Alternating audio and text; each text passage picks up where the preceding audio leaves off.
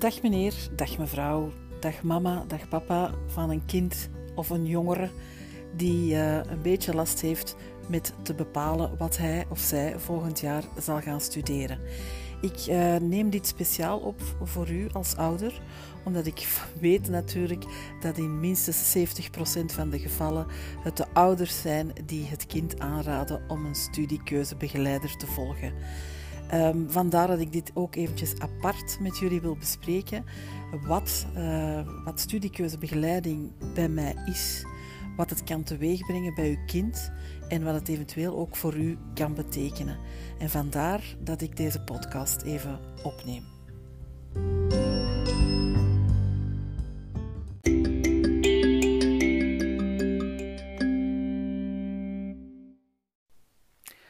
Waarom kiezen voor studiekeuzebegeleiding? Dat is waarschijnlijk een uh, prangende vraag bij u.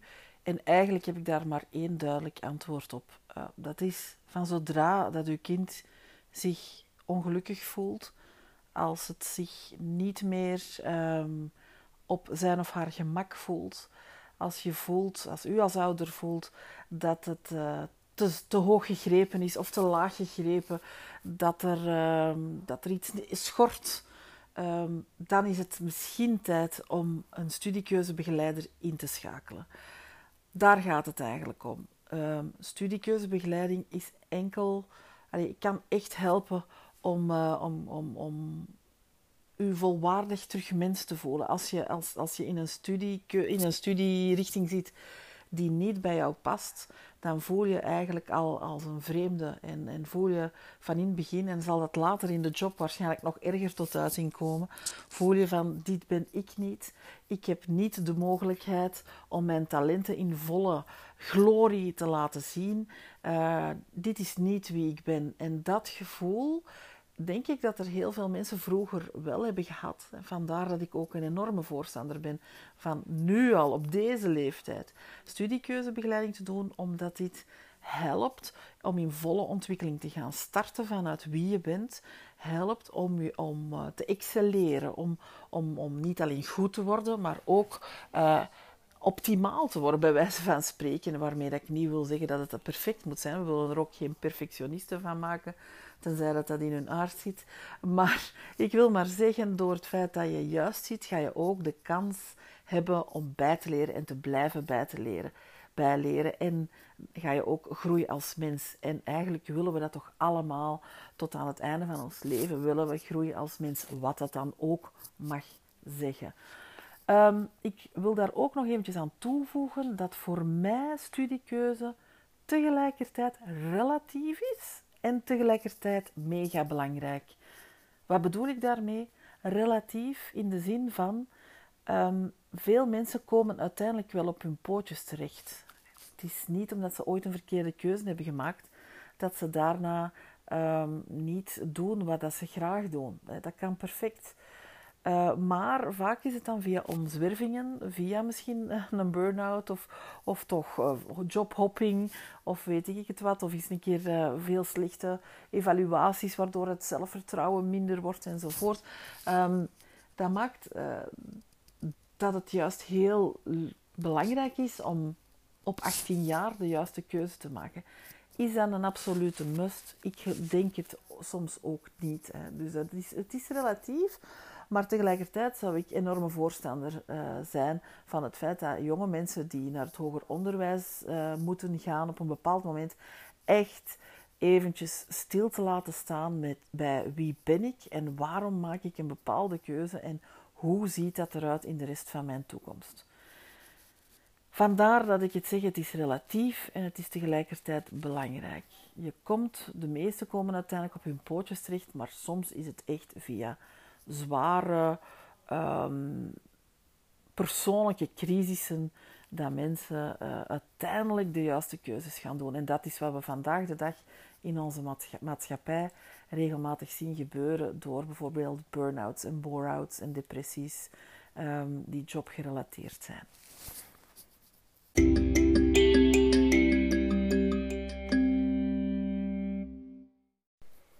In het algemeen hoe pak ik eigenlijk de studiekeuzebegeleiding van uw zoon of uw dochter aan? Ik wil graag starten met te zeggen dat ik geen hapklaar antwoord ga bieden. Nee, dat ga ik niet doen. En dat heeft eigenlijk te maken met feit 1, dat ik uh, het initiatief in de handen van uw zoon of dochter wil leggen. Ik wil dat zij vanuit zichzelf vertrekken, want dat heeft het meeste effect. Ten tweede kan ik onmogelijk pretenderen dat ik alle studiekeuze mogelijkheden ken die er bestaan in België. Dat is onmogelijk. En als ik ze al zou kennen, weet ik de specificaties daar niet over. Zij moeten echt waar met hun ideeën naar mij komen en wij gaan samen kijken welk past bij mij en welk past niet bij mij. En wat zijn de mogelijke valkuilen, wat zijn de, de mogelijkheden op langere termijn van die bepaalde studie te kiezen. Dat gaan ze bij, bij mij doen. Ik ga niet zeggen dat is iets voor u, maar ik kan wel, als ik bepaalde dingen zie en bepaalde ervaringen heb of zo, kan ik hen wel suggesties doen. Maar het initiatief om het op te zoeken en in detail te gaan zoeken van is het iets voor mij, ligt bij hen. Ik geef hen wel de, tools en de handvaten en eventueel filmpjes enzovoort, maar de, zij moeten het werk doen. Dat is heel belangrijk. En wat ik vooral heel belangrijk vind, is dat we vertrekken vanuit wie zij zijn. Waar zijn ze voor in de wieg gelegd geweest? Wat zit in, in, hun DNA?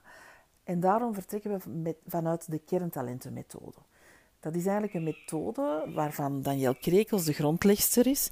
En die uh, vertrekt vanuit uw kind uh, en waarmee hij of zij speelde. De manier waarop hij of zij speelde en hoe graag die dat deden.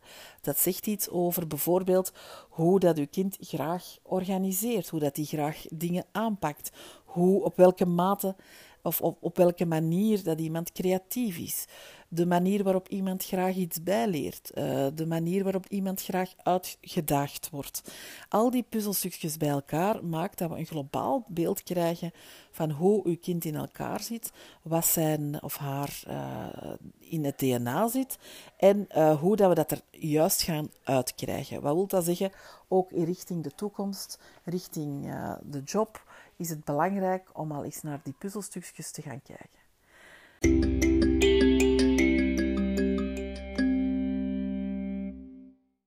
Het initiatief ligt dus, zoals ik al zei, in handen van uw zoon of uw dochter. Ik vraag daarvoor drie dingen. Enerzijds de, het commitment. Hè.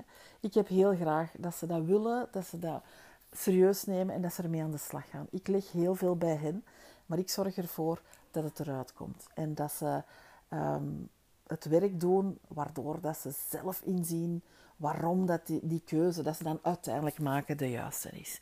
Heel belangrijk. Ten tweede, ja, zoals ik al zei, ik geef ze wel huiswerk mee. Dus ze gaan ook tussenin een aantal dingen moeten doen. En ik vraag hen ook om dat te doen. En dat doe ik eigenlijk om hen hun situatie een beetje te laten objectiveren. Zodanig dat ze er met een afstandje naar kunnen kijken.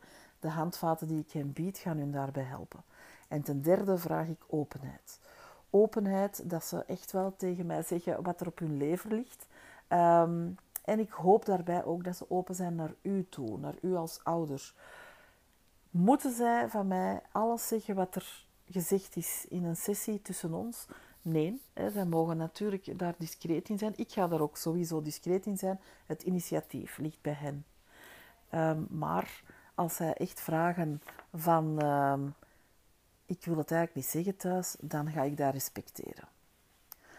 Um, ze krijgen van mij dus ook huiswerk, een bundel mee. Daar zit ook een aantal, zitten ook een aantal tips bij rond studiemethoden. En dat vind ik ook nog belangrijk om eventjes aan te halen. Als zij een studiekeuze maken, is het uiteindelijk natuurlijk ook de bedoeling dat ze studeren. Daar heb ik geen vat op. Hè. Dus dat is iets dat zij zelf gaan moeten uitvissen. Ik kan ook op basis van de studie, eh, de kerntalentenmethode, hen een aantal tips geven over de manier waarop dat zij best hun studies aan vatten en aanpakken, maar uiteindelijk moeten ze het zelf doen. Dus daar heb ik geen vat op. Ook op het niveau van intelligentie heb ik geen vat op. Alleen kan ik me wel baseren natuurlijk op resultaten van eh, de voorbije jaren, maar dan nog weet ik dat niet 100%. Dus het is een, het is een, eh, een, de studies van het middelbaar bijvoorbeeld is een graadmeter, maar is geen zekerheid. Um, de laatste sessie kan met moeder of vader, maar dat moet niet. Zoals ik daar juist zei, is er een, uh, voor mij een mogelijkheid. Ik vind het heel leuk zelf dat een, mama of een papa meekomt op de laatste sessie, omdat ik dan de uitleg genuanceerd kan geven. Um, maar het hoeft niet. Hè. Als het kind het liever uh, discreet doet en het later thuis vertelt, mag dat voor mij ook. Het initiatief ligt daarvoor bij uw zoon of dochter. Nog belangrijk om te vermelden is dat ik in 99% eh, van de gevallen echt wel een resultaat heb. Er komt een keuze, uh, maar dat heeft meer te maken dus met het proces en niet zozeer met ik die ga zeggen dat is voor jou het belangrijkste. Je zal mij daar nooit straffe uitspraken um, in, in horen doen. Um, het gaat mij over hen. Over duidelijkheid te krijgen van wie ben ik, wat zijn mijn capaciteiten, wat zijn de dingen die mijn ogen doen blinken, maar ook waar moet ik voor opletten. Ik geef handvaten aan uw kind, ik daag ze uit, ik zet hen aan het denken. Um, en ik weet ook heel zeker dat u dat ongetwijfeld ook al hebt gedaan. En wees alsjeblieft niet beledigd of zo, maar ik heb zelf twee pubers in huis. het is gewoon eigen aan de puber of aan de jongvolwassenen om zich even af te zetten tegen degene die uh, hen, voor hen het beste willen, die hen altijd hebben um, verzorgd en hen graag hebben gezien. Dus dat is heel logisch en vandaar dat het voor hen soms gemakkelijker is om het aan te aanvaarden wat er gezegd wordt door iemand die minder dicht bij hen staat en die heel objectief is.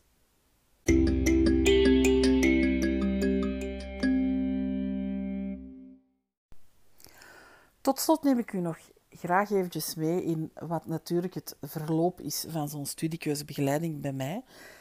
Um, ik vertrek van een drietal sessies, maximum vier, Um, in totaal spreken we hier over een 4 à 5 uur. En dat is verspreid over een 2 tot 3 weken.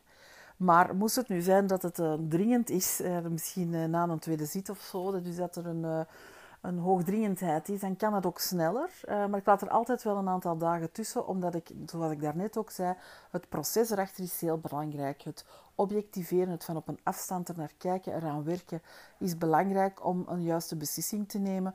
Dus het gevolg is dat ik wel heel graag een week tussen de sessies laat. Maar strikt genomen kunnen we het ook sneller doen. Um, hoe verloopt het concreet? In de eerste sessie uh, doen we een kennismaking. Uh, dat doe ik alleen met uh, uw zoon of dochter. Dat duurt een half uurtje. Ik doe dat vaak online via Zoom. Um, elkaar leren kennen. Dat ik ook eventjes pols wie heb ik hier bij mij zitten. Wat is, wat is zijn of haar vraag? Is het de persoon om studiekeuzebegeleiding te volgen? zo niet, ja, dan neem ik opnieuw contact op met u en zeg ik van ja. Of ik laat het via hen de boodschap, zal ik de boodschap overbrengen. Uh, maar in veel gevallen gaat het voor mij even om te polsen, ziet er de commitment erachter. Staat, staat uw zoon of dochter erachter en wil zij ook werken aan, aan wat ik hen voorschotel. De tweede sessie is de langste, die duurt twee uur à twee uur en een half. En dan gaan we echt effectief de kerntalentenanalyse doen. Zij krijgen ondertussen, tussen die twee sessies, ook nog een bundel van mij waar dat ze aan moeten werken, die al een aantal uh, uh, vragen brengt, die we achteraf ook kunnen koppelen aan de resultaten van de kerntalentenanalyse. Um, zoals ik al vertelde, gaat een kerntalentenanalyse terug naar hun kindertijd, uh, voor de puberteit en vanaf ongeveer het uh, laatste kleuterklasje. Waar speelde uw kind graag mee? Um, hoe speelde het kind, uw kind ergens mee? Lego spelen bijvoorbeeld. De ene kind maakte graag uh, torens met de blokken. Het andere kind speelde graag met de poppetjes. Dat zegt wel iets. Um, en dan maak ik de vertaling naar uw, uh, uw kind als volwassene of toch jongvolwassene.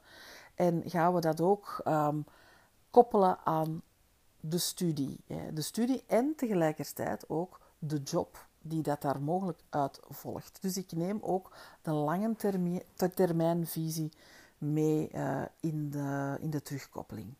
Dan laat ik hen naar huis gaan. Zij krijgen dan een tweede bundeltje van mij, waar ze effectief ook um, gaan leren om wat ze hebben geleerd tijdens de kerntalentenanalyse om te zetten naar uh, wie ze zijn, zodanig dat dat hen eigen wordt. Want die kerntalentenanalyse is iets dat ze voor de rest van hun leven kunnen gebruiken. Het is echt wel meerwaarde als zij hun sterke kerntalenten kennen in het kader van keuzes die later in de toekomst ongetwijfeld nog gaan volgen. De derde uh, sessie is ofwel twee uur en dan gaan we eerste uur terugkoppelen, de bundel bespreken die ze hebben gekregen, nog eens teruggekomen op de kerntalentenanalyse en gaan we kijken of er mogelijk al een keuze kan gemaakt worden, wat hun conclusies zijn en uh, gaan we daarop verder bouwen. En dan kan eventueel het laatste uur u als ouder daarbij gevraagd worden om eens te bekijken hoe ver we staan en of dat de keuze al gevallen is of dat er nog een extra traject moet aan gekoppeld worden. Um, dit kan ook eventueel in twee gesplitst worden. Hè. Dat, we het dat we het eerste uur week drie doen en het, het laatste uur uh, op week 4, afhankelijk van uw agenda. Uh, bovendien kan alles, alle sessies eventueel online. Het hoeft, u hoeft niet per se langs te komen.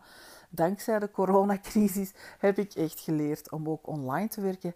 En uh, hoera, ik moet zeggen, het, ik had het op voorhand niet verwacht, maar het, het, het gaat. Ik vind het eigenlijk best aangenaam om het zo te doen.